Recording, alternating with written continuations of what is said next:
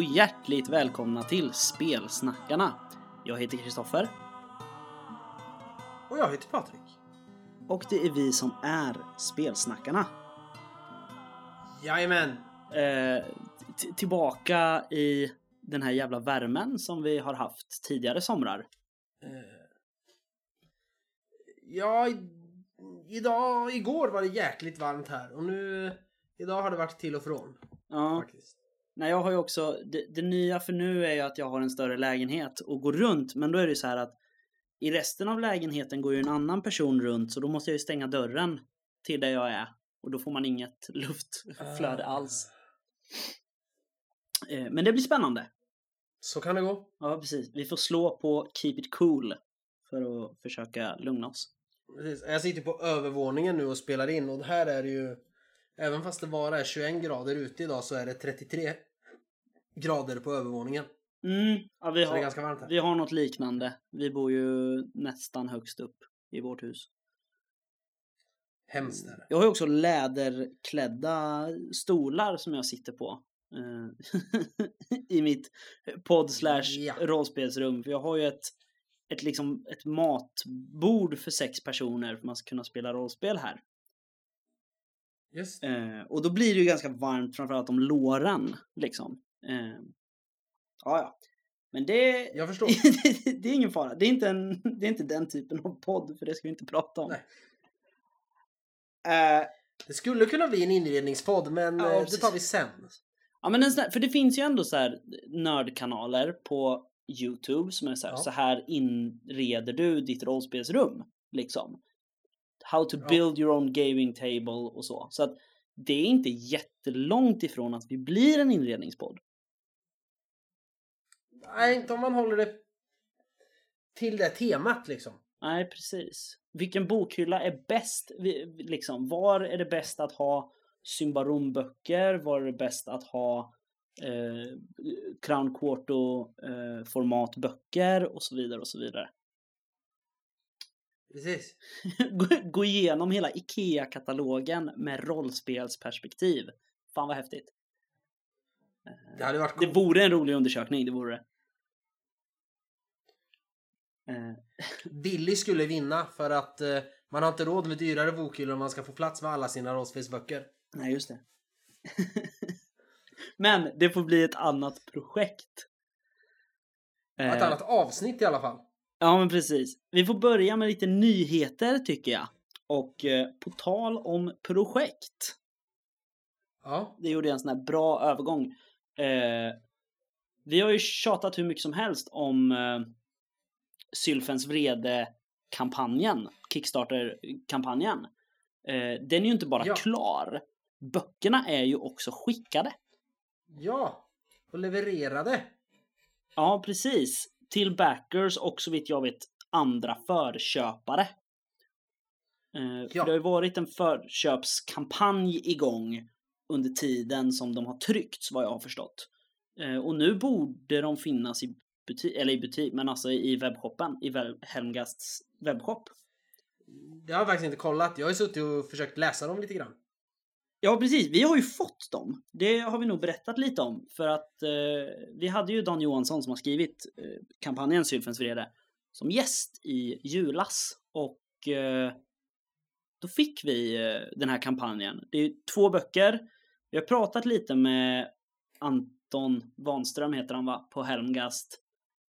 Om det här. Han tyckte att vi skulle göra ett litet projekt och en undersökning om de största svenska rollspelssläppen, alltså i sidantal. För Sylfens vrede är ju två böcker.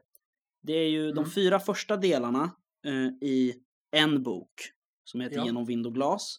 Och så är det den sista och nya delen eh, ur Stoft och sot i en egen bok. De Ja. klockar in på 608 sidor. Frågan är om det är, menar han totalt ett spels livscykel eller ett släpp eller en kampanj? Han, vi pratade ju lite mer så det var inte slut där. Eh, utan det vi pratade om var vad är det största svenska rollspelssläppet på en gång? Alltså i en leverans, vad är flest sidor man har fått? Mm. Men då föds det lite tankar. Anledningen till att jag inte har tagit upp det här innan, det är för att jag fortfarande försöker skriva ner reglerna för det här. För då är det så här, ja, västern, Ah. jävligt stort släpp, eller hur? Ehm, Call of Cthulhu Sverige, stort. Neotech Edge, stort. Men då är det så här, räknas Fria Ligans nytryck av MUA? Eller inte? För det är ju inte en ny Ja. produkt. Det är det ju Nej. inte. Eh, Och, men om, om MUA räknas, räknas då första boken i, i Sylfens vrede? Jo men precis, det är det jag menar. Att, för att den första boken, Genom eld och glas, det är ju fyra tidigare släppta produkter.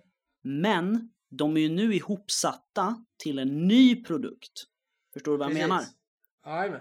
Eh, det blir som samlingsutgåvan liksom. Eh, s- så att jag, jag, antingen får vi prata med Anton om vad han vill att vi ska ha för regler eller så får vi sätta reglerna själva. liksom. Ja, för det blir väldigt stor skillnad beroende på hur man avgränsar sig. Mm, precis. Men ett spontant Ehm. som kan tävla med Sylfens vrede det är faktiskt jubileumsutgåvorna av Trudvang. Mm, precis. De borde Ehm, kunna tävla i sidantal vid ett släpp. Ja, det skulle jag tro. Eh, För det är väldigt, väldigt stora böcker. Ja. Är det ju. Eh, Ja, men och sen västern också förstås var ju en väldigt stor... ja, de är ju ganska feta de böckerna också. Det är väldigt mycket och det var väl ganska många äventyr som tillkom där också. Vad jag minns. Ja, men frågan är om det släpptes samtidigt eller om det faktiskt var bara grundböckerna. Mm, vi, får, vi får luska lite i det, för vi backade ju inte västern när det kom. Nej, jag köpte det ju sedan. på... Nej, jag fick det ju av er. Jag funderade Ja. på att köpa det. Men eh, Anders eh, lyckades inte övertala mig när vi stod där vid Åskfågens monter och han förklarade västen för mig. Han lyckades inte sälja det riktigt. Just det. Ja, Ja, men så att eh, reglerna för det här är lite otydliga. Vi slipar på dem, men tack för idén, Anton. Ja, Det är ju jättekul att undersöka det här liksom. Vad, hur, hur stort är ett stort svenskt rollspelssläpp? Liksom. och Eh, återigen och- tack så hemskt mycket för böckerna. Ja, verkligen. Det är så snygga. Vi, vi eh, ska självklart prata om Sylfens vrede mer i detalj. Och framförallt de här böckerna liksom. Kanske lite mindre än, eller lite mer än om kampanjen i sig. Vi får se hur det blir. Men det kommer ju komma ett Sylfen avsnitt. Men eh, vi fick dem i, och tidigare i veckan, tror jag va? I fredags eh, Eh. hämtade jag ut mina. Ja, precis. Så att vi, ja, vi har inte hunnit plöja dem än. Och jag har ju bara läst Diamantäpplet tidigare. Eh, så det, det kommer när det kommer. Jag har bläddrat för det var en sak jag var väldigt fundersam på. Särskilt inför det här eh, avsnittet. Så att jag har snabbbläddrat igenom vissa saker i båda böckerna. Och jag har läst de två första äventyren helt och hållet. Ja, just det. Ehm, Vi var på stranden igår. och eh, för en gångs skull... Jaha, okej. Och då låg du och läste rollspel? Ja men ett barn sover faktiskt i sitt UV-tält. Och eh, eh, mamma Hermansson gick och köpte glass och vadade med det lite större barnet. Så då var jag tvungen att vakta bebisen i UV-tältet. Och hade självklart tagit med Nice. mig Sylfens vrede. Utifall det skulle Smart. ges möjlighet. Mm. Eh, bortsett från Sylfen-släppet så har jag inga nyheter. Tyvärr. Inte jag heller. Jag, Mm, jag har varit upptagen. Det har varit eh, midsommar och ja, avslutning på jobbet och Sylfens vrede. Så jag har inte, Ja. jag har faktiskt inte kollat. Sen verkar det ju lugnt nu. Lite grann när det är sommar. Jag vet att Fria, Fria Ligan postar ganska mycket om att det händer grejer med Twilight. Faktiskt. Men jag har inte kollat det mer än så eftersom jag inte har backat det. Nej, just det. Ja, det börjar närma sig lite, typ. Eh, men jag kom på att det finns en nyhet. Ja. Idag eh, när vi spelar in så är det den 27 eh, juni. Ja. Och den 29 tror jag, jag ska in och dubbelkolla. Jag var inte förberedd på det här för jag glömde. Jag tror det är den 29. Då kommer en Kickstarter. Yes, tisdag 29 juni. en Kickstarter som eh, har nämnts i podden innan, är det ett projekt. Eh, Tadonro, volym 1. En eh, Ah. äventyrssamling till vindsjäl. Kickstartar. Det är sex stycken färgstarka äventyr. Där har vi pratat om att det är så mycket färg i det. Liksom. Ja. Kapitlerna är färgade och man ser på mockupen de har gjort att varje äventyr har en egen färg på kanten på bladen eller vad man säger. När boken är stängd. Precis som kapitlerna i boken. Precis. Eh, och det som är så spännande med det här då, det är ju att det är communityt som har skapat. Det är som det här mörkborg-fenomenet vi har pratat om. Att liksom, det- det här är folk som har i Facebookgruppen eh, Aguions äventyrare eh, så är det folk som bara, ah, jag gjorde ett eh, äventyr till vindsjäl. Här. Och det är de äventyren som kommer här. Liksom. Det är kul. Och det är så häftigt. Att det, det är vi, och när jag säger vi så menar jag inte jag och Patrik, utan jag menar vi spelare, vi som har köpt vindsjäl. Det är vi som kommer hålla liv i det. Liksom. Det är coolt. Ehm, och det, det är så häftigt för att om man tittar tidigare när jag började spela rollspel för ändå, vad det nu är, 11 år sedan. Ehm, då var det så här. Det är klart folk publicerade äventyrsidéer och sånt på Riot Minds forum. Men de riktiga äventyren som man ville ha, det var ju de som Riot Minds släppte själva. Ja, men så var det till allt och man kunde hitta äventyr som låg på internet. Men det var inga illustrationer, det var en ful paintkarta och skrivet i Times New Roman storlek 10 i Word Mm. om man hade tur och hälften av äventyren var skrivna i anteckningar i Windows. Ja. För att man kan inte illustrera och man har inte tillgång till mallarna och vet hur man gör layout. Men det var coola äventyr. Men nu dels är det lättare för folk att ta mallar och det gör ju många förlag. Delar med sig av dem. Eller många, men en del. Mm. Men det är extra kul då när liksom förlaget bara, ja men får vi använda eran grej? Det var ett coolt äventyr och så blir det som officiellt fast det är fanskapat. Mm, precis. Och som vi har pratat om Mörkborg, där har ju inte eh, Okult Örtmästare och Stockholm Kartell varit egentligen inblandade i de här tredjepartsprodukterna. Men, och det har inte heller stått till Mörkborg, utan det kommer bara äventyrssamlingar och så står det To Punk OSR, liksom. Ja. Eh, och så ser man att det är Mörkborg-tillbehör, men de är inte officiella. Medan här så är det ju liksom Lukas Falk som, som har gjort själva boken. Ja, det tycker jag är coolt. Alltså med respekt till det sättet att publicera produkter. Ja, det är Coolt. ascoolt. Eh, vi kommer ju inte, det kommer inte vara ett avsnitt när det kommer, men vi kommer självklart lägga den här kickstarten så fort den är live som länk på vår Facebook-sida. Ja. Eh, Sen vet jag inte om det här är en nyhet eller skrivit sen sist. Eh, Vi får se. Eller jag kanske tar den nu så får vi se Ja. vad vi tycker. För jag har ju egentligen inte skrivit det. Men det är på väg nu ett provtryck hem till mig på en produkt som jag har nämnt tidigare. Har du påhälsning igen Patrik? Ja, folk sliter i dörren och håller på. Ja, Jag ber om ursäkt att det Roligt. hörs. nej det gör ingenting. Eh, Då märks det att det, vi är hemma. Och inte Ja. i någon fancy studio. Eh, nej men eh, jag har nämnt en produkt tidigare som är en novellsamling som heter Överlämningen. Som handlar om en koloni med typ Deep Ones i Östersjön. Just det. Eh, du har ju läst den när jag ville ha lite korr och sådär. Jag har läst delar Eh, av det. Ja, precis. Eh, och det är fyra noveller och nu så är det provtrycket på väg hem till mig Coolt! av den boken. Ja, eh, Lukas Falk har layoutat, vilket är spännande och kul. Eh, så jag, jag kommer säga att det är ett litet samarbete. Men eh, det är jag som har skrivit och det är han som har formgett. Och eh, Men det är du som ger ut den själv. Precis! Utanför förlag och eh, sådär. Ja, nej men så den kommer så fort... så fort provtrycket har landat och så fort jag har godkänt det så kommer man att kunna beställa den lilla novellsamlingen av oss eller av, av mig, men då får man göra det på, på, genom våra spelsnackarkanaler helt enkelt. Eh, Jag kommer köpa en av dem. Garanterat. Ja, ja, bra, kul. Den är, det är ju inte explicit att det är Deep Ones, men man kan ju tolka det som så om man vill. Jag har ju valt att tolka det som att det är Deep Ones. Absolut. Ja, Jag har också börjat göra det i efterhand, men det var inte så jag tänkte när jag skrev. Eh, så det är ju en, en nyhet att den finns nu, eller har kommit. Kommer. Det är en cool nyhet. Ja.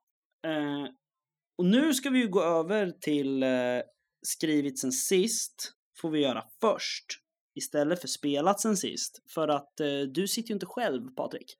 Nej, men eftersom jag har hörlurarna så kommer vi då få lämna över. För jag har skrivit en grej sen sist. Men jag har en ny coworker. Så att eftersom jag inte kan höra samtidigt så tänker jag att du får eh, några minuter får i podden att intervjua min coworker här på vad jag har skrivit sen sist. Just det. Så att eh, vi byter personal i studion. Ja, hej, det är Sofia här. Patriks fru. Som Ja. hindrar han från... Va? Som hindrar från poddande. Ja, hindrar från poddande, spelande och annat så här han pratar om i podden. För ibland tjuvlyssnar jag och då säger jag du måste säga till innan om du tänkt lyssna eller inte. För att jag kanske inte säger så... Ja, jag vet inte. Ja, men det är så att det är så här att Patrik har skrivit sen sist och Patrik har börjat skriva ett eh, rollspel tillsammans med mig om drakar och det är jag som kom på det. Och så. Så det är vad han har skrivit på och jag har skrivit på Ja. tillsammans. Så det är vårt eh, nya projekt. Vad är det för rollspel? Vad är det för rollspel? Ja, det, handla, det ska handla om drakar. Ja, vi har Ja. inte kommit så mycket längre än så, tänker jag. Eller har vi det Patrik? ja, han svarar inte. Ja. Jag är väldigt oerfaren poddare. Och rollspelare, får vi ju lägga till. Ja, jag, jag Mm. spelar ju inte rollspel. Jag har provat med Patrik, men det är så att jag gillar ju att skriva och hitta på saker. Eh, och så därför så föreslog jag det här att det här är ett projekt vi kan göra tillsammans. Så att han sköter som det här mer tekniska och så.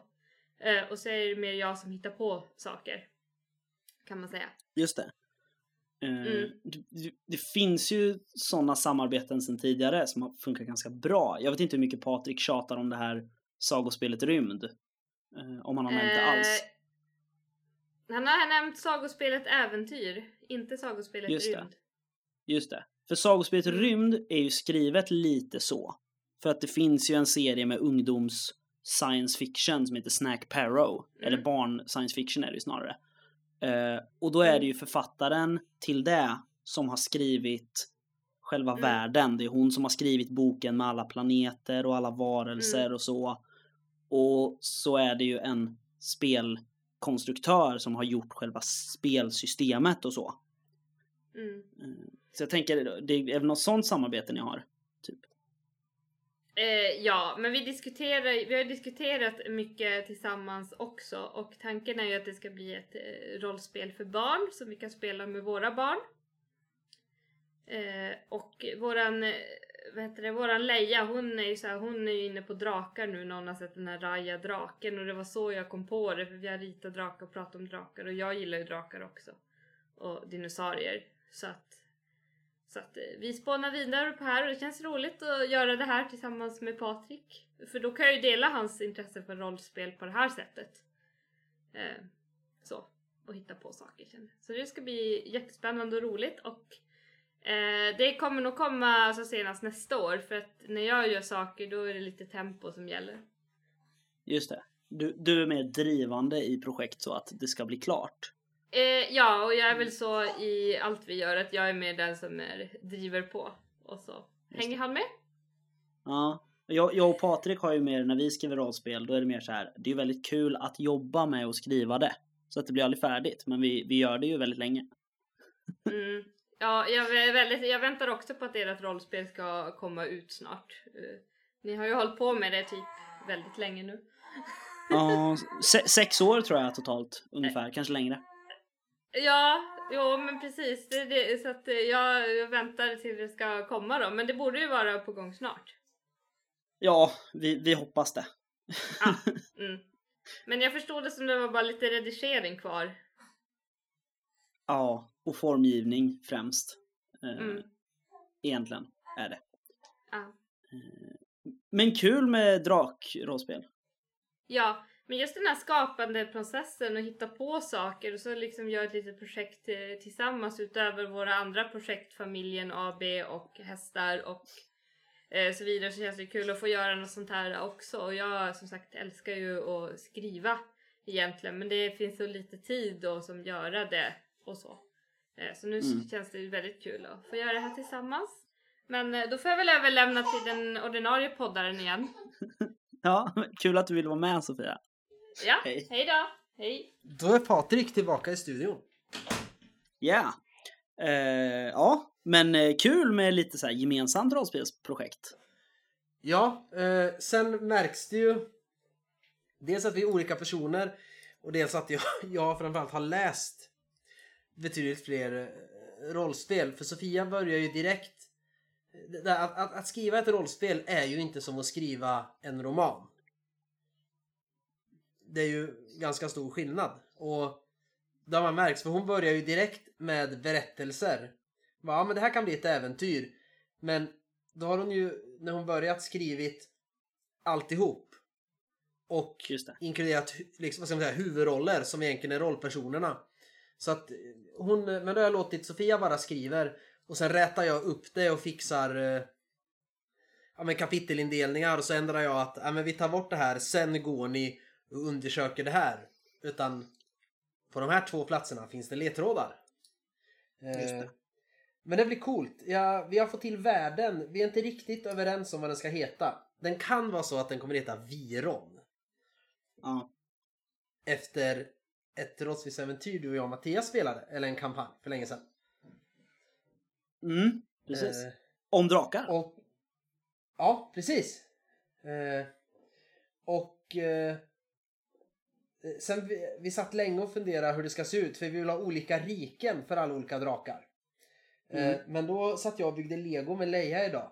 Så nu har jag byggt upp att det är öar i rymden. Men eftersom det bara är en sorts drake som kan flyga så finns det portaler istället. Ah. Emellan öarna. Som någon har byggt någon gång. Och så finns det någon hemsk metaflott i bakgrunden. För sånt gillar jag. Så att, nej, det, Mm. det är roligt. Sen, sen har jag sagt att eh, okej, Sofia säger nästa år. och Har skrivit sin Facebook och jag sa ja men i min takt när jag skriver rollspel. Om du säger ett år så räkna med att det tar fem sex För det tar det när jag ska göra ett spel. Tydligen. Ehm, vill, du, vill du ha en, ett lästips? ja. Jag rekommenderar boken eh, Drakkrönikan av, oh vad heter han, Eh, Malcolm Sanders. ja. Jag har läst första boken för länge sedan. Ja, det är en bok, är det bara. Eh, som Det heter. Drakkrönikan. Ja. Jaha, ja, då tänker jag Eh. på någon annan som heter något annat med drakar. Ja, jag skulle tro det. Den här heter Drakkrönikan och det, det handlar om en eh, trollkarl som heter Septimus tror jag. Som får i uppdrag att resa runt och döda en massa drakar. Eh, Ah. Och då är det ju också så här, de har olika attribut, bor på olika platser och så. Eh, jag kan verkligen rekommendera den just för det du beskriver får mig att tänka på den Ja. boken. Ja. Liksom. Eh, Jag vet inte om den finns liksom att köpa längre för att den är, den är ganska gammal. Jag läste den ju när jag var liksom barn. ja men jag, jag är glad också. Jag ska kolla upp den. Men jag är glad att Sofia sa sen att det är ett spel för barn. För jag hade ju fastnat väldigt tidigt i metafysiken. Och förklaringen, allt om drakarna. Sen hon, ja men det är för barn. Då lättade en sten lite från mitt hjärta för det är så här, okej. ingen kommer döda mig på samma sätt av de som läser det. Eh, För att det inte hänger ihop med vart kommer energin som eh, driver den här porta- portalen och vad är det som gör att elddraken kan spruta eld? Vad är det för liksom metabolism som sker där inne för att skapa denna eld? Som en mer hardcore vuxen gamer skulle kunna göra. Mm. För jag är sån. Utan då är det barn, då räcker det att förklara. Det här är en vattendrake. De äter fisk och är bra på att simma. Och sen är barnen nöjda. Ja. Lite grann så. ja. Man behöver inte förklara så mycket. Nej, precis. Eh, men vi ska, jag ska låta Sofia slå en kik i lite utvalda produkter från sagospelet Äventyr. Just Innan vi fortsätter skriva. Eh, men det blir kul. Det, eller det är ganska kul. Ja, vad roligt. Faktiskt. Så det har jag skrivit sen sist. Vad har du skrivit sen sist? Eh, jag har petat lite på den avslutande delen i, vad ska vi kalla det? Vi kan säga Stormtrilogin för att det låter coolt. Men det är inte ett officiellt namn. Eh, det är en samling äventyr till Drakar och Demoner 2016. Som Just jag har skrivit. Eh, del 1 finns publicerad på Riot Minds hemsida. Just det och den heter Stormöga. Den andra delen heter antingen I stormens öga eller I drakars blick. Jag har inte bestämt än. Eh, jag har, jag har försökt fråga Riot Minds vad tycker ni den ska heta, men de svarar inte på mina mejl. Så vi får se. Men har de beställt den andra eller sagt att de vill ha den eller ha trilogin? Ja, eller? ja. ja. Eh, nej, de, de beställde ju ett äventyr av mig till Ja. Drakar och Demoner Retro. Eh, de skrev och hej, vi behöver fler officiella äventyr. Skriv ett åt oss tack. Absolut, och det har jag gjort. Eh, stressade som fan fram till deadline för att bli färdig och så skicka in och så har jag inte fått någon återkoppling. Eh, Tråkigt. jag har påmint dem flera gånger och fått mail som jag säger, ja ah, just det, det här har vi bara glömt, sorry. Eh, och sen inte fått någon återkoppling igen. Eh, och så. Eh, jag hade ju turen, som ni har hört, för det, Patrik hypade ju upp det som fan när jag fick spela rollspel med Anders Blixt. Då pratade vi lite om det där. Och, och då drog han lite anekdoter från när han skrev Skymningshavets gåtor som var med i, eh, i boxen till Drakar och. Demoner 2016. Eh, och han avslutade hela sin rant om hur mailkontakten gick till med att säga Sen fick de klart för sig att jag är Anders Blixt och man behandlar inte mig hur som helst. Eh, och jag undrar lite vad han gjorde liksom. Eh, reenactade han någon sida ur Grymtchefs källor eller fällor? Eller vad gjorde han? Oklart. Eh, Han är bara Men- Anders Blixt. han bara är Liksom. Anders Blixt. Ja. Eh, nej men så att det, så jag har skrivit på tredje delen som på något sätt ska knyta ihop del 1 och 2. Del 2 har alltså inte kommit än. Eh, men den är klar. Eh, del 3 ska sätta ihop del 1 och 2 och samtidigt förstöra dem ganska mycket. För att det finns Ja. jättemycket skillnader i storyn mellan de här tre sakerna. Eller de här tre äventyren. Uh, rykten om olika personer som är helt fel och sådär. Så i tredje delen så är det så här, här är en lista med allt som är lögner. Liksom. Ah. Eh, Så det är väldigt, väldigt spännande. Det är också lite så här metafysik för att det dyker upp en karaktär i del två som heter Glasblåsaren som är någon slags eh, halv demon typ och han återkommer fast 400 år tidigare fast i nutid i del 3. Det, det är lite kronografens hemlighet. Jag skulle ju säga det. Du har Över det- hela. kronografat. Ja, det har jag gjort. Eh, så det, det är väldigt spännande. Det har jag skrivit. Sen har jag börjat skriva på ett eh, äventyr som inte är knutet till något spel i nuläget, men det heter eh, Bonzo Est Allé Bitbug Ja. och det, det handlar om att man ska smuggla saker eh, i eh, Tyskland mellan öst och väst. ja. Eh, Då har du en epok färdig i alla fall. Ja men precis, det är 60 tänker jag. Eh, 60-tal. Du skulle kunna lägga in och- att man smugglar dem via muralmålningar och kultifierar det. Mm. Eh, alternativt eh, göra, göra det till en troubleshooters anpassning och knyta in någon Mm. slags elak världsorganisation. Eh, man skulle också kunna göra det lite Call of Cthulhu-igt. Det, det är lite Ja. oklart ännu. Delta Green. Typ så här, the birth of eh, European Delta Green. För länge sedan. Ja, varför inte? Alltså det är bara grundpremissen som är färdig. Ehm, och titeln är ju helt enkelt bara för att Bonzo Goes to Bitburg är Ramones bästa låt. Liksom. Och det är en bra titel. Mm. Ehm, sen har jag nog inte skrivit något mer. Nej. Har vi spelat något då? Nu får vi gå tillbaks lite. Ja, eh, jag har ju spelat Drakenborg Trudvang med dig Mattias och Micke. Yes. Eh, och det var roligt. Mm. Eh, jag hade hoppats få spela live med Micke här för två veckor sedan men självklart började han jobba och åkte till Västervik. Och när jag är i Växjö och jobbar brukar jag normalt åka till Västervik en dag eller två. Och jobba där också, men nu gjorde jag inte det. Så att jag var i Växjö men Micke var inte hemma. Eh, Okej. så jag var tvungen att dricka GT på hotellet istället. Stackars mig. Eh, Åh nej. men det har jag spelat med er. Eh, det är kul. Det vart lite cameos. Med röst Ja. i alla fall.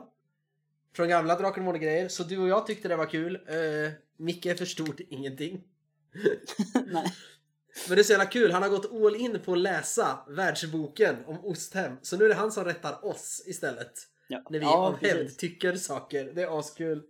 Eh, Ja, wow. Och vi bara, nej det, det är kampanjkanon. Lägg av. Precis. Eh, hur går det? Vi har fått lite respekt. I alla fall. Vi har fått Och- lite respekt. Ja. Vi har ju tyvärr också hittat en bit eh, svart is, vilket är oroväckande av olika anledningar. Ja, alltså det känns nästan som att Mattias eh, har köpt likstorm och försöker skippa eldsjäl och göra en schysst övergång in i likstorm härifrån.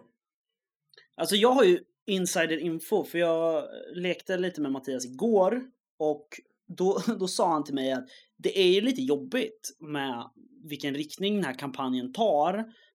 För att han har ju fortfarande typ inte planerat mer än att vi ska ta oss dit och typ plantera lite potatis. Eh, Det har vi gjort nu. Ja, det har vi gjort nu. Vi har eh, liksom stött på vildfolk och, och börjat besegra klaner av barbarer typ och besegrat någon då som bär på en skärva av svart is. Liksom, så att det, ja, det märks inte att Mattias tänkte sig en simple pig farming.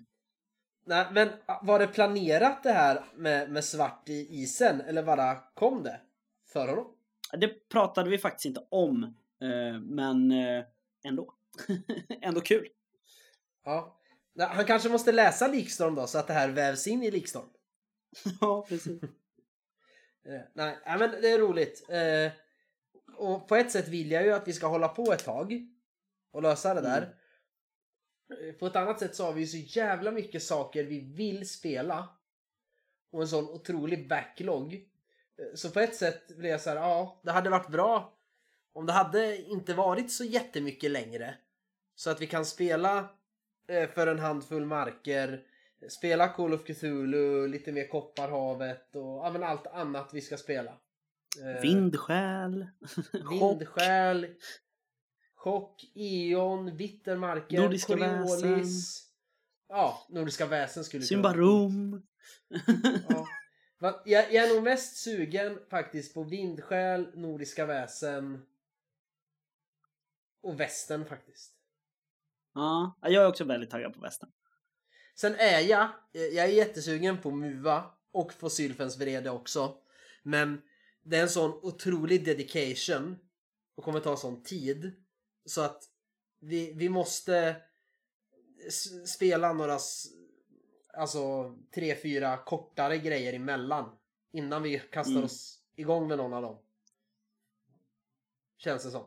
Ja, verkligen. För annars blir det som, eh, vad heter det? Som våran konfluxkampanj. Vi körde första delen, så körde vi andra och sen bara, ah, nu måste vi testa massor, nu vill vi testa andra saker. Så därför har vi inte kommit tillbaka och spelat klart den. Nej. Så att det är bättre att spela sånt man är sugen på först och sen, bra, nu kör vi den här tills den är slut. Ja, precis. Eh, men ja, det har ju spelat. Eh, sen spelade jag Catan i... eh, Eller Settlers. Nej, det heter Catan nu. Bara. Just det. Mm. Eh, Så jag sa rätt från början. Det spelade jag i fredags. Med Sofia och våran kompis Johan. Det var roligt. För det är inte så ofta jag Ja. får spela det. För det går ju inte att spela på två. Har du spelat något sen sist? Eh, det har jag. Ehm, och eh, ja, vad har jag spelat? Jag har spelat eh, Trudvang, det har vi berättat om redan. jag har spelat eh, Snösaga, alltså Trudvang Chronicles, två gånger sen sist. Wow! Ja, vi, vi bytte dag. Vi har börjat spela på plats igen, det berättade jag ju. Eh, Och eh, så var det så att vi var så här, ja vi kan idag när vi har spelat och vi kan inte om två veckor, men vi kan nästa vecka och då blir det två veckors uppehåll istället till nästa, istället för att det blir liksom Ah. fyra veckor nu. Så spelar vi två Okej. måndagar på raken. Eh, vi har, ja, vi har tagit oss in i dvärgriket Sotenbrand. Oh fuck. Ja, eh, jag har ju lite, lite personal grudge där eh, efter sist jag spelade Snösaga. Eh, och jag, jag, jag satt idag och funderade på, på så här, jag måste skriva till Fredrik som är som SLR där och fråga för att jag har en anteckning att vi har fått veta att det finns dvärgar som har handel med arkerna. Eh, och då måste jag fråga honom, är det för farfetched att min karaktär då är jättesuspicious mot dvärgarna vi möter? Ehm, eller kommer han tolka det som att jag bara spelar av erfarenheter från när jag Ja, sist precis. spelade kampanjen? Eh, För jag tycker det är viktigt och jag tycker det är skönt att vi kan ha, vi har ändå haft sån kommunikation under kampanjen hittills. Att det är så här, jag vet ju det här. Är det rimligt att jag säger att min karaktär vet det här grundat på det här? Ja men precis. Så att det inte bara Mm. blir Kristoffer vet saker. Ja men precis. Och, och, och jag tycker inte att det känns eh, jätteorimligt. Men jag frågar ändå honom för jag tycker att det känns cool och schysst. Det jag tycker ska bli bland det fränaste. Mm. För jag vet ju hur jag hanterade det och det vart, det vart inte bra åt något av hållen. Det vart inte som det är skrivet. Eller tror jag. Och inte bra heller. Det är ju det som händer efter Sotenbrand. Hur Mm. Fredrik lö- tänker lösa det. Det ska bli Mm. intressant att höra. Det där Vi har året. ju, vi, ja men precis. Vi har ju pratat väldigt länge om så här. Hur länge vill vi att kampanjen ska hålla på? Vill vi liksom plocka bort allt som är tråkigt och enformigt eller vill vi köra? Eh, och vi liksom klockar ju som sagt in på liksom andra året med Snösaga nu och vi är precis färdiga med akt 1. Så vi har ju inte haft bråttom. Nej. Eh, och jag, jag tycker det är ganska skönt. Så att jag, jag är också väldigt spänd på hur han hanterar det faktiskt. Ja, det är inte som när ni körde och ni bara rushed eh, through. Och när jag märkte att ni rushed through så vart jag bara ännu mer att ja men då rushar väl jag också för att 90% av det sket ni i så jag fick ju bara flytta allting för att det skulle hända Vi- något. Vi borde ju få ett diplom av Riot Minds för att vi klarade ut Snösaga på en helg. Ja det gjorde ni inte, ni klarade akt 1 på en helg. Ja, just det. Ja. Men sen spelade vi typ två spelmöten bara digitalt. Vi, vi höll inte på med Snösaga länge. Nej. Och det är jag tror vi la tråkigt. mer speltid på Vildhjärta än vad vi gjorde på Snösaga. Oh ja. Nej, Mm. vi tänk på att eh, första gången vi spelade Snösaga så Mm. förutom avbrott för mat så spelade vi typ 16 timmar. Effektiv speltid. Ja, det är sant. Det är sant. Eh, nej men så det har jag spelat och det är skitkul. Nu börjar kampanjen verkligen växa på mig och jag börjar verkligen älska att spela. Efter att ni har spelat två fjärdedelar. Ja, precis. Eh, sen så har jag spelat... Jag har spelat Chronicles of Crime lite grann äntligen igen. Eh, Mm. Äntligen har jag fått tummen ur och köpt Noir-expansioner. När man spelar Private Detective Sam Spader, tror jag han heter. Ah. det är Los Angeles, det är 50-tal tror jag. Det, det är riktigt bra grejer. Eh, tyvärr så fick jag rusha igenom lite, vilket gjorde att jag inte riktigt kunde fullfölja utredningen. Men väldigt kul.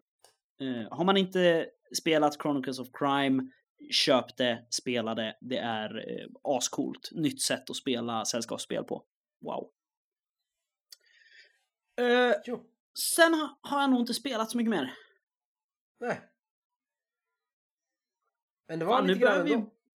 ja, nu börjar vi ju komma i form igen, så här 45 minuter innan vi kommer in på ämnet. Och vi har ju ett ämne. Ja. Ja, Sen hur mycket det går att vi, prata eh, om ämnet, det vet man ju inte. mm, alltså jag vet ungefär vad det är jag vill prata om gällande ämnet. Ja, vad bra. Jag vet bara vad Eh. du tyckte för ämne och tyckte det lät coolt. Så vi får se om vi tänker att det är samma sak. Men du måste ju själv ha fått en bild av vad du vill prata Ja. om. Ja, Ja, jag vet ju vad jag vill prata om. Sen om det är det Ja. du vill prata om, det är det som är intressant. Just det. Eh, men du får reveala då, vad det är, för, vad, vad det är vi ska prata om. Vad kallade du det? Långa rollspelskampanjer? Ja, precis. Eh, jag, jag kände att när Sylfen hade kommit, Sylfens vrede-kampanjen, då är det på något sätt så vill jag använda det redan nu. För jag vill inte att det ska bli så här, ja vi måste läsa det först, sen kan vi prata om det. Här ska vi spela det också. Och så tar det två år innan vi nämner de böckerna igen. Eh, Precis. Därför vill jag ta tag i det nu, men jag är inte redo att prata om den kampanjen i detalj. Nej. Så istället tänkte jag, vi pratar om det här med långa rollspelskampanjer i allmänhet. Mm. När du sa det, Mm. jag snöade också in mycket på Sylfens vrede. Så det jag har liksom, vad ska man säga, fokuserat på och sett framför mig. Det är inte just att spela långa kampanjer. Eh, för det blir, blir ett annat ämne. Utan det jag såg framför mig var just vad finns det, alltså officiella av förlagen släppta längre kampanjer och vad är det som kan eh, vara bra och vad är det som kan bli problem när man släpper en lång kampanj? Ja, Det var det jag såg framför eh, precis. Ja, jag, jag känner igen det. Eller jag kan, jag kan relatera till det. Liksom. Det var väl typ vad jag tänkte också. Eh. Men jag tänkte ju också, bara, vi- vilka är de långa rollspelskampanjerna som går att nämna generellt sett? Ja. Eh, vad definierar egentligen en kampanj? För vi, har ju pra- vi pratar ju ofta om vår Trudvang-kampanj som vi har hållit på med i 10-11 år. Men det är ju inte en äventyrssamling vi har spelat. Per se, liksom. Eh, Det är bara utan- samma rollpersoner som lever sitt liv och gör grejer. ja. Eh, precis. Eh, så att det, det är ju liksom ganska svårt att pinpointa rent så. Men om, om vi ska prata liksom äventyrskampanjer tror jag det är jag vill prata om. Eh, snarare än liksom 15 år långa spelarkrönikor. Liksom. Sen ibland så sammanfaller de. Mm. Ja, men ib- ibland sammanfaller de. Men inte alltid. Nej. Eh, Men om vi, om vi bara utan att börja med ämnet så egentligen diskutera det. Vad, vad är den bästa rollspelskampanj? Och nu får du också själv definiera den. Vad du menar med rollspelskampanjen. Som du vet, har läst, har sett, är sugen på. Oj! Eh. Jag måste nog säga MUTANT Undergångens arvtagare. Mhm. Vill du förklara dig? Eh, nej men den... Den har ett, ett djup. Eh, den har en speciell humor. Eh, och om man faktiskt läser, läs, om spelaren läser den ordentligt och, och fokuserar och fixar så blir det inte så mycket lösa trådar utan i slutet hänger mycket ihop. Just det. Och det finns en tråd även om man inte ser den kanske från början. tycker jag. Mm, Och sen är det mutant. det. Och därför är det coolt. Eh, Just det. ja. Den är cool helt enkelt. Den är cool. Ha, ja. Har du någon? Ja, eh, den är inte klar. Men det är, det är fan Törnetronen till Symbarom. Ja. Eh, och det finns flera skäl. Det fin- framförallt finns det flera skäl till, till, eh, till att, den inte ens är färdig liksom. Eh, men det är ju för att Dels är det ju, det är lite samma skäl som du har till MUA för att det, det är ju eh, Mattias Jonsson Hake som står vid rodret får man väl säga. Det är inte bara han, det är många inblandade. Jag vet. Men det är han som liksom har, har drivit det mest vad jag tror. Det är oftast han som står som huvudskribent liksom på de här. Och så. Eh, men och det är ju det här, det här djupet som finns. Liksom. I Symbarom-kampanjen så är det ju så mycket det är så många fraktioner. Och det är det ju i MUA också. Ja. Det är liksom, ja, ah, det här är vad den här familjen gör om rollpersonerna pratar med den här personen. Eh, läs mer om vad deras handlingar får för konsekvenser i del 6. Man bara, okej, okay, wow. Eh, liksom. Eh, och, och, bara att det finns till Symbarom och har funnits länge, eller till Törnetronen, en kampanjöversikt på 11 sidor. Där liksom de delarna som inte är färdiga redan finns en sammanfattning av dem. Och det finns en sida med fraktionerna och deras huvudsakliga mål i varje del. Det är så här, ja ah, det här kommer eh, det här gänget att göra så här i den här delen. Eh, om rollpersonerna blev kompisar med dem i del 1, då kommer det förstås bli lite annorlunda. Och, och, och det, är det, det är det djupet. Ja. Jag måste nästan skriva till dem och säga tack. För det där var en sån sak jag skulle ta upp som det stora övergripande problemet i sådana här längre rollspelskampanjer. Mm.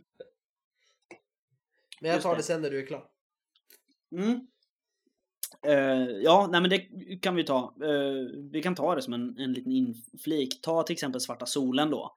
Som egentligen, om man tittar på metafysiken som du ändå är så förtjust i, så är det ju att Svarta solen har olika eh, inkarnationer och entiteter. Ja. Eh, liksom, så att det är egentligen inte så konstigt att del 3 är i princip helt fristående från resten av kampanjen, bortsett från typ en person som är med i del 4. Eh, Ja. För att det handlar inte om samma sak, egentligen. Nej. Men, och, och det är lätt att tro i Törnetronen-kampanjen, om man läser liksom del 1.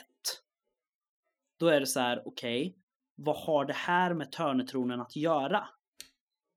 Och sen i del 4 bara, kommer ni ihåg den här killen som vi skrev hade lite fuffens för sig i del 1? Det här är varför och det här är vad han har gjort. Precis. och man bara, ah, Men- wow. Men just den där, just den där 11 sidor långa kampanjöversikten, för det saknar jag i de flesta. Mm. Eh, inte bara Svarta solen, där får de till det okej i den allra sista delen. Likstorm, Mm. då förklarar de lite grann. Men MUA till exempel, då är det också på slutet. När man, man vet att det är en kampanj, att det ska bli en kampanj. Men när man läser Pirit, den första boken, så är det väldigt lite, det är ingen så här inledning till så här kommer kampanjen se ut. Utan det står på några ställen i liksom löpande text så här. Ja, men den här killen från fa- familjen Cappuccino, han kan bli intressant längre fram i kampanjen, kanske. Mm. Och sen vet man inte hur, eller så har man helt glömt bort honom när man kommer till den sista delen i kampanjen. Så att Ja. det finns inget övergripande. Så här. Sen förstår jag att det kan vara svårt när man ger ut böcker en och en och kampanjen inte är klar från början. Men man måste ju ändå ha ett hum. Eh, Så där kastade jag mig ju snabbt över Sylfens vrede Just och det. inser att det finns ingen sån sammanfattning i början. Nej. innan Diamantäpplet. Jag bara, fan! Ja, läser nästa del. Okej, här beskrivs det lite grann inledningen. Vad hände i förra äventyret? Fan, inte tillräckligt bra. Men sen hittar jag det ju när man öppnar sista boken. Stoft och sot. Där Mm. finns det faktiskt en ganska bra eh, liksom, där kommer det i början av bok nummer två. Och då vart jag gladare på Hengas. För först var jag sur som tusan där och så var men vad fan, en sån här lång kampanj och liksom man har skrivit sista delen precis, de andra var klara, man har ju vetat slutet för nu släpps ju hela och det märks att det är omskrivet och reviderat. Varför har man inte Mm. infört det där? Men det hade man gjort. Bara i bok två. Och det är bra. Sen hade jag gärna sett det i början av bok ett. Och att det inte fokuserar... För nu blir det ju liksom eh, postumt att det står ja men det här hände i diamantäpplet, det här hände i den här. Rollpersonerna kan ha gjort så här eller så här. Ja. Jag hade hellre sett att man hade skrivit det i ett annat tempus. Så att det var just i början av diamantäpplet. Kampanjen går till ungefär så här. Mm. Eh, men det funkar. Eh, Problemet är om man bara köper första boken. För man är lite sugen på att testa. Och så får man inte det här. Ja. Utan nu har jag, när jag började. Då öppnade jag ur Stoft och Sot, hittade där, läste det kapitlet. Och sen gav jag mig på att läsa äventyren. Och då var det enklare. Om man säger, att läsa första boken. Just det. Så, Mm. så de har gjort det. Men jag vet, det, är gör bra. de i... eh, det, så står det ju i, i Black Madonna också till Kult. Ja, Eh, jag, jag minns inte om det är så i svenska eh, utgåvan av äventyrsspel, men där är det så här. Ja, det här är en kampanj i tre delar. Det här händer i första delen, det här i andra och det här i tredje. ja. Eh, liksom. Jag var, jag var tvungen att gå in bara i, i kampanjöversikten nu för, för ehm, Törnetronen och där är det ju så här. Ja, nästan alla fraktioner kommer vara med i den första. Eh, enda undantaget är de här vars agent i staden visserligen ligger bakom äventyrets intrig men utan att träda fram ur skuggorna. ja. Och, och den är ju liksom, ja det är ju ganska coolt. Ja men det är sådär eh, fler borde göra. Eh, ja. för jag upplever att det blir mycket enklare att läsa kampanjen och se hur den hänger ihop.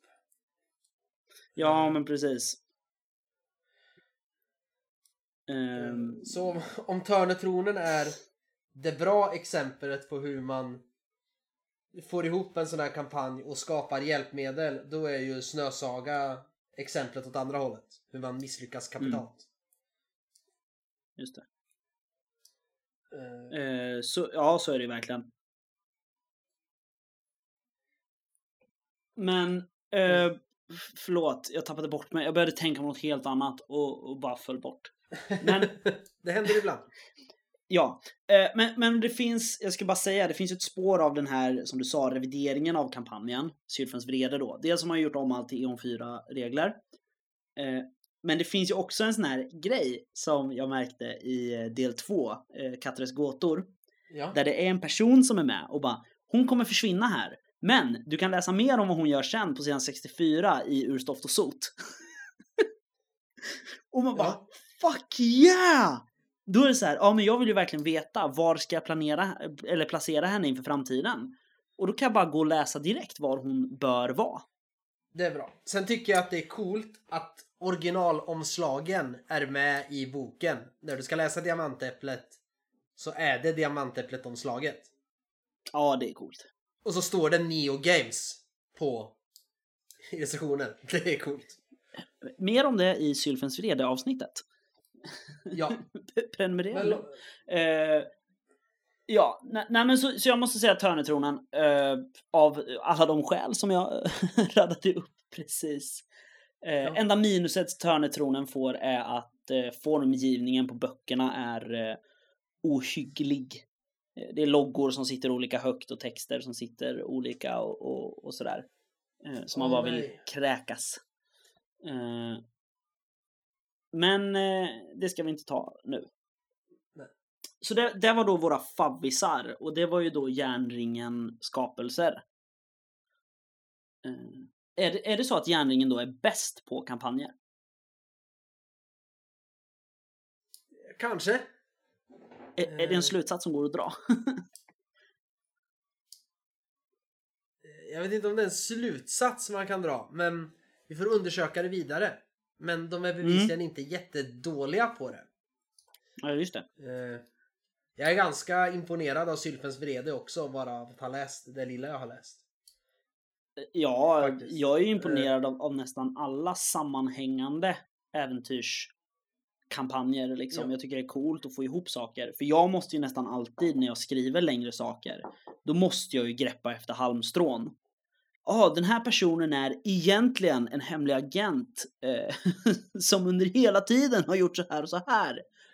Eh, så att liksom, ja det är väldigt snyggt gjort. Jag beundrar verkligen folk som kan skriva kampanjer som hänger ihop bra. Ja. Sen finns det ju, det finns ju en grej som både kan vara ett hjälpmedel och ett problem när man gör såna här längre kampanjer. Okej. Eh, Och det har ju vi upplevt ibland. Och det är ju motivation för rollpersonerna. Eh, om det börjar med att eh, eran bästa polare blir mördad och ni är alla bästa polare med honom. Ni ska fånga skurken och det är det hela kampanjen går ut på. Då är det, kan du, alltså eller den typen av intrig. Då är det ganska lätt att få hela spelgruppen eller hela gänget med äventyrare att hänga ihop hela tiden. Ja, men precis. och, eh, och gå mot det målet. Men i många andra kampanjer, eh, lite i Sylfens vrede faktiskt. Så det är så här, ja men okej, man är gemensamt så här, vi ska hitta den där coola skatten i diamantäpplet. Mm. Så har gjort det fått massa pengar. Sen bara, ja men de vill att ni åker och gör en till grej åt dem. Och en till grej åt dem. Så det är så här, ja men nu vill jag öppna ett bageri istället. Eh, ja, men lite så. Och MUA har ju lite också det där. Att, så att det kan i en kampanj, det kan hjälpa, alltså. Det kan gå bra. Just när man gör en längre kampanj så kan det vara lättare än när man har massa one-shots. Att, eller kortare äventyr som inte hänger ihop. Att få rollpersonerna att gå mot samma mål. Men det kan också vara jättesvårt. Det gäller verkligen att tänka till på hur man gör det. Ja, eh, Tycker jag. för det är ju det. Det, finns, det är det jag tycker Helmgast gör bra i Hjältarnas tid. Ehm, och det är det här att när du ska skriva äventyr, ma- man kan ha bra motivation, eller man, man kan ha dålig motivation, man kan ha bra, man kan ha bättre och man kan ha bästa. Liksom. Och det är så här, ja, en, en, en dålig en. Eh, Spelledaren tvingar rollpersonerna att utföra äventyret. Ja, Liksom. Och sen så bara stegrar det. Och så bäst motivation. Eh, Spelarna och rollpersonerna vill själva ta sig an det här problemet eller mysteriet eller så. ja. Liksom. Ja men det var ju det som blev problemet. Det, det finns ju, kan ju finnas motivation i, men våran Snösaga-kampanj till exempel. Ni Mm. var två dvärgar. Som Ja. bara ville hem. Så varför skulle ni Ja. hjälpa folk och undersöka allting? Eh, det var ju helt enkelt så att där när vi visste vi skulle spela den, det har vi pratat om innan. Ni kanske skulle skapat andra rollpersoner istället. För att Ja, även den bästa spelledare, vilket jag inte är, hade haft problem att få er tillräckligt motiverade, tror jag. Till att Mm, verkligen alltså vilja göra här. allt det där. Eller jag spelar grund, hela... grundmotivationen var ju ganska bra när vi spelade Ja. Vildhjärta. Någon snodde en viktig relik från oss. Vi var tvungna att gå och hämta den. Ja, Eh, vi följde tjuven in i Vildhjärta. ja, Och sen det här med att liksom vara vara, eh, väktare av den här sagostenen och bli liksom vägvisare och, och sådana grejer. Det ville ju inte vi, för vi hade ju tagit fast tjuven. ja. Liksom. Så för Vildhjärta var det helt okej, eller ganska bra motivation. Men för resten av kampanjen så är den ganska sugig. Om du förstår vad jag menar. Ja, precis. Och då, men då får man ju tänka till. Så där vart det ju svårare motivationen där det är så spridda äventyr. Så kan vi motivera vem som helst i Vildhjärta. Man behöver bara hitta på något sätt att man fastnar där inne. Så vill man ju ta sig Mm. ut. Mm. Eh, men Snösaga sen. Men, men i den beror det på mig. Då kunde jag bara stirra att ni aldrig fick fast den där skurken. För den skurken var typ Isdrottningen eller något. Men nu är det inte det vi ska prata om. Men som sagt, man, man måste nog tänka på det som, som spelledare. Mm. Innan att okej, vad är motivatorn i respektive del av kampanjen för att folk ska fortsätta? För till slut ger man ju upp också. Har man en kampanj som är Ja men ta Sylfens vrede. Motivationen till del. En motivator till att börja med, med äventyr nummer två. Eh, vad heter det? Katteres gåtor. Ja. Eh, är ju att jaga efter de här som har tagit diamantäpplet. Ja, Men precis. om det hade fortsatt hela kampanjen, alla deläventyr. Om man aldrig får tag i dem. Och det hade varit det enda. Det händer aldrig något annat.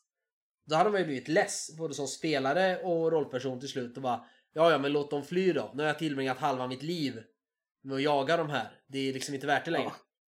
Nej, precis. L- liksom. Eh, så det, jag tror det är det man måste knäcka när man skriver en längre kampanj. Mm. Eh, Dels ska man ha den utstakad, hyfsad detaljrik i början innan man släpper första delen. Så att man redan där kan ha ett ungefärligt scope Just det. eh, för att ha med den här sammanfattningen redan i början. Så att den inte kommer efterhand när sista delen kommer. För då har man kanske glömt att stoppa in saker som hade passat att ta i deläventyr 2 istället. Eh, och sen tror jag just det där förslag på motivationer och att man tänker igenom dem. Vad ska få rollpersonerna att hålla i och sträva mot det här målet i 800 sidor? Ja, just det.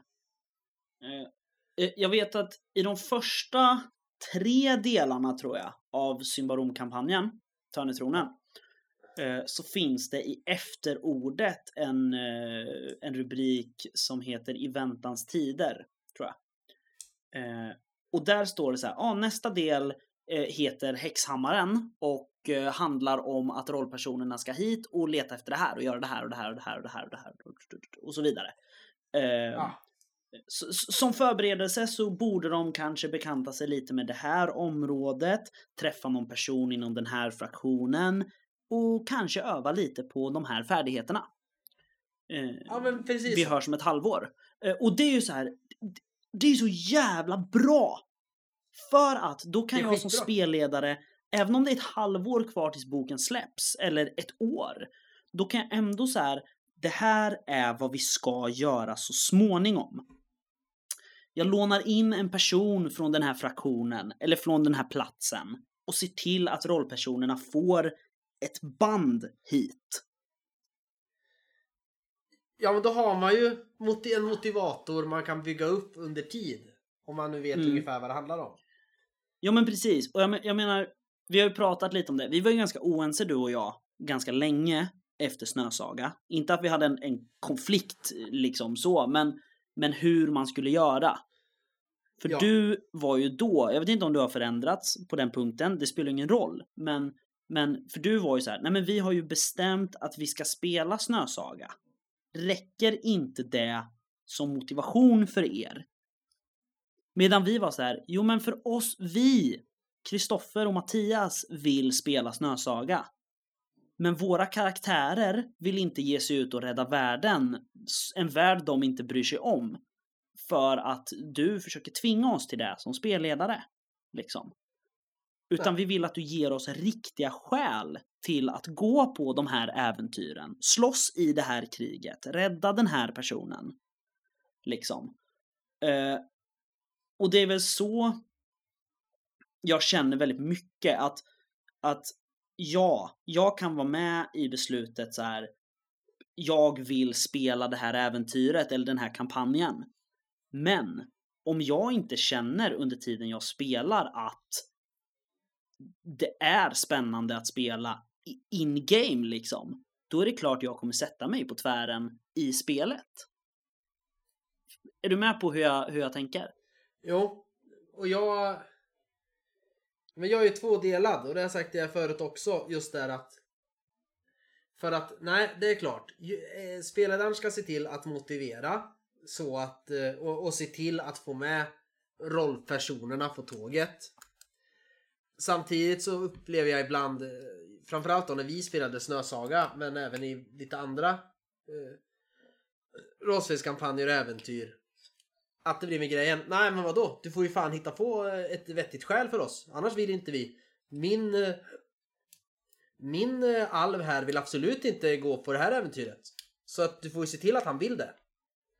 Eh, och då blir det lite den här vi och dem känslan utan just jo men och det är det jag menar med att vi har bestämt att vi ska spela det här. Jag ger ett något sorts halvvagt skäl.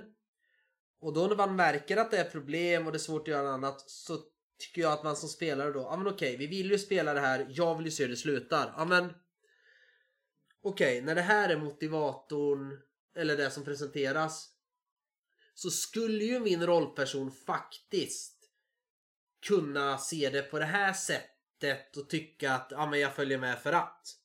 Och liksom hjälpa till Mm. med det där. Istället för att bara nej, jag vill gå hem. Så bara, eller jag vill gå åt vänster. Jaha. Men åt höger finns det här och det här. Ja. Ja men det där, okej intressanta växter. Inte Okej, jag följer med ett tag. För det vore kul att se om det finns intressanta växter här borta. Skulle rollpersonen eller spelaren då kunna hjälpa till med? Eftersom man har ändå tillsammans sagt att nu gör vi det här, det verkar kul. Eh, och det är det jag menar, inte att man bara ska köpa allt spelledaren säger. Bara, ah, men nu, nu har ni sagt att vi ska spela det här så det spelar ingen roll vad ni tycker. Gå, följ med här. Utan att man får försöka liksom hi- hitta ett skäl också. När spelledaren inte kan presentera det. Det är det jag menar. Just det. Jo, men jag, jag, jag förstår vad du menar också. Eh, för att det är klart, vi har ju pratat om det här, det hade vi ett eget avsnitt om. Vem är det som bär eh, Ansvaret. ansvaret för att föra spelet framåt? Är det spelledaren eller är det spelarna eller rollpersonerna? Och det är klart, vi måste hjälpa till. Vi som sitter på andra sidan spelledarskärmen. Vi kan ju inte bara vänta oss att du ska lägga fram allting och vi ska bara göra det du lägger fram för att det är så jävla bra tänkt. Jag gillar ju det också. Det är klart att du måste skapa bra situationer och vi måste ju också anstränga oss. Eh, men då måste våra skäl till att vilja anstränga oss måste bli en del av kampanjen vi spelar. Precis. Eh, som, alltså, jag tror att eh, vi spelar rollspels konfluxkampanj, till exempel, Ja. är väldigt bra på det sättet. Just att Dellet är så på att förgöra Blattifagus. Ja. Och hela tiden så får hon liksom en liten, liten så provsmak av att ja, men om du gör det här, då kommer du komma ett steg närmare det här. Ja, jag kör. Jag är all in på det. Och det är liksom nu i, i eh, femte konfluxen så har de ju varit närmre Blattifagus än någonsin liksom. Eh, och, och jag tror att det är ju hela Dellets pryl som driver henne. Ja, och Eh. sen att de också att de har tagit eh, och gett den karaktären en spelledarpersons roll. Lite med den Ja, döda anmodern i örat. Som vill desperat dräpa Shaugull. Det är en bra Ja, motivation. ja, just det. Jo, Jo, men jag, jag menar att liksom just den, och, och det är det som eh, Henrik som spelar Dellet jämt trycker på. Att liksom, jag ska döda den där jävla ormen. Liksom. Jo. Och det kommer jag kunna göra. Om, om jag vinner konfluxen, då kan jag förgöra alla drakar i hela världen och då skulle jag vara nöjd. Liksom. Ja. Eh, och, och det är ju perfekt sätt att hålla igång kampanjen på. Eh, Ja. Medan jag är så här, helt ärligt, nu har jag spelat min krigaranka Kendir genom halva Svavelvinter och Oraklets fyra ögon. Men han är så här, skulle vi få igång något slags, ja om ni inte förgör Shagul så kommer han äga konfluxen. Jaha, och skit väl jag i. Skulle han bli då? Så för honom måste det ju finnas något bättre skäl. Men där har jag en motivation. Det var lite därför, för jag märkte det på båda era karaktärer. Så jag introducerade ju en karaktär från Mm. Erik Granströms romaner. I, lite i slutet av Rags för ögon. Uroboren, Shaguls gamla mästare. Exakt. Som vill samla ihop eh, berättarnas bok. Och Ja. där är tanken att om ni börjar vackla och inte vill så kommer han kunna ge visioner av vad som händer. Om Shagul får konfluxen eller någon annan får den eller om ni får, era karaktärer får den. Eh, Och där har jag till och med skrivit att just det här som händer när ni frågar hur det ser ut när ni får den, det ska ni få berätta själva. För det är den vision han får och berättar för er. Hur ni Mm. skulle vilja ha det. Och det tänkte jag just för det att det lär ju kunna motivera er ganska tungt. Antingen så blir Ja. det The Shire is burning för er två. Om någon annan får den. Eller så blir det Du är i paradiset och är eh, Lilith innan eh, Adam får den här eh, Eva. Och är jättelycklig. Eh, vad du inte vet, det är att jag har ju skrivit en eh, novell. Som ja. plockar över Ereb Altor och konfluxsviten till ja. Drakar och Demoner Kaldarox. Aha. Eh, jag, jag har ju förklaringen till att eh, Ereb störtade i havet och sen öppnades upp på nytt, eller dök upp på nytt. I en Ja. nystöpning. Det kanske är en av visionerna då. Exakt, för att jag, jag är så här. Det är så som jag har skrivit där. Det är det jag kommer spela när vi kommer dit, Precis. tror jag. Om det inte händer något uh, oförutsägbart på vägen. Man vet aldrig. Yes. nu, nu börjar min studiotid ta slut här snart. Ja, precis. Jag tänkte precis säga det. Om vi ska sammanfatta då att eh, vi, vi definierade ju inte så mycket om vad som var en, en kampanj egentligen. Vi pratade lite grann om det här två olika. Äventyrskampanj eller världskampanj kan vi kalla det. Eh, men sammanfattningsvis kan man säga att det är rollpersonernas skäl till att spela igenom 600 sidor material som är det viktigaste. Eller? Ja. Och att spelledaren förstår. Det är det näst viktigast. Att spelledaren förstår så tidigt som möjligt hur det här ska hänga ihop och sluta. Just det. Sammanfattningen. Där då Törnetronen är något sorts eh, liksom 101 Mall. i hur man ska göra det. Ja. Bästa sätt. Eh, ja, och jag menar Sylfens vrede, jag har inte följt den. Det är ett ganska nytt, eh, nytt påfund för mig. Dels E.ON och dels Sylfens vrede. Eh, men Diamantäpplet kom 2001 tror jag. Ja. Och så att det, det är liksom... Ti, ja, det är 20 år är det, de här fem delarna. Och jag tror, jag har väldigt svårt att tro att det i de gamla utgåvorna att Dan Johansson redogör för det här händer i nästa del. Nej. Vi får se. Jag, jag måste läsa lite närmare, jag måste köpa de gamla utgåvorna, eh, lägga lite pengar på det och sådär. Eh, Yes. men, men det viktigaste är då, helst så ska rollpersonerna själva drivas. Eh, och annars gör man som i Svarta Madonnan och ger dem en sjukdom som Precis. de måste besegra inom en tidsfrist. Ja. Så, som, ja, Ja. eldsjäl är ju lite så också. Mm, jo, så är det. Men då, då klappar vi den där då, tycker jag. Eh, Ja. Och för att vara lite extra snälla så kan vi väl lägga länkar till kampanjerna vi har pratat om. Om man skulle vilja köpa dem, för att vi tycker att det är bra prylar. Liksom. De som finns att köpa förstås. Ja. Eh, Precis. annars, om man vill oss någonting, man kan skriva nedan på det här avsnittet. Man kan eh, skriva på vår Facebook-sida, man kan skriva ett meddelande på Messenger, där vi heter Spelsnackarna. Man kan mejla på spelsnackarna gmail.com. Och eh, jag hänvisar redan nu då, jag gör lite self-promotion, att det är också på någon av de här kanalerna man kan beställa min lilla bok Överlämningen om man vill ha den. Och om eh, min fru har rätt, vilket hon ju självklart har, för jag har ju inte rätt, så kan man ju senast om ett år köpa vårat coola drakrollspel via de här kanalerna också. Exakt. Eh, Men eh, vi är tillbaka om två veckor med ett nytt avsnitt. Det är vi. Hej då Kristoffer!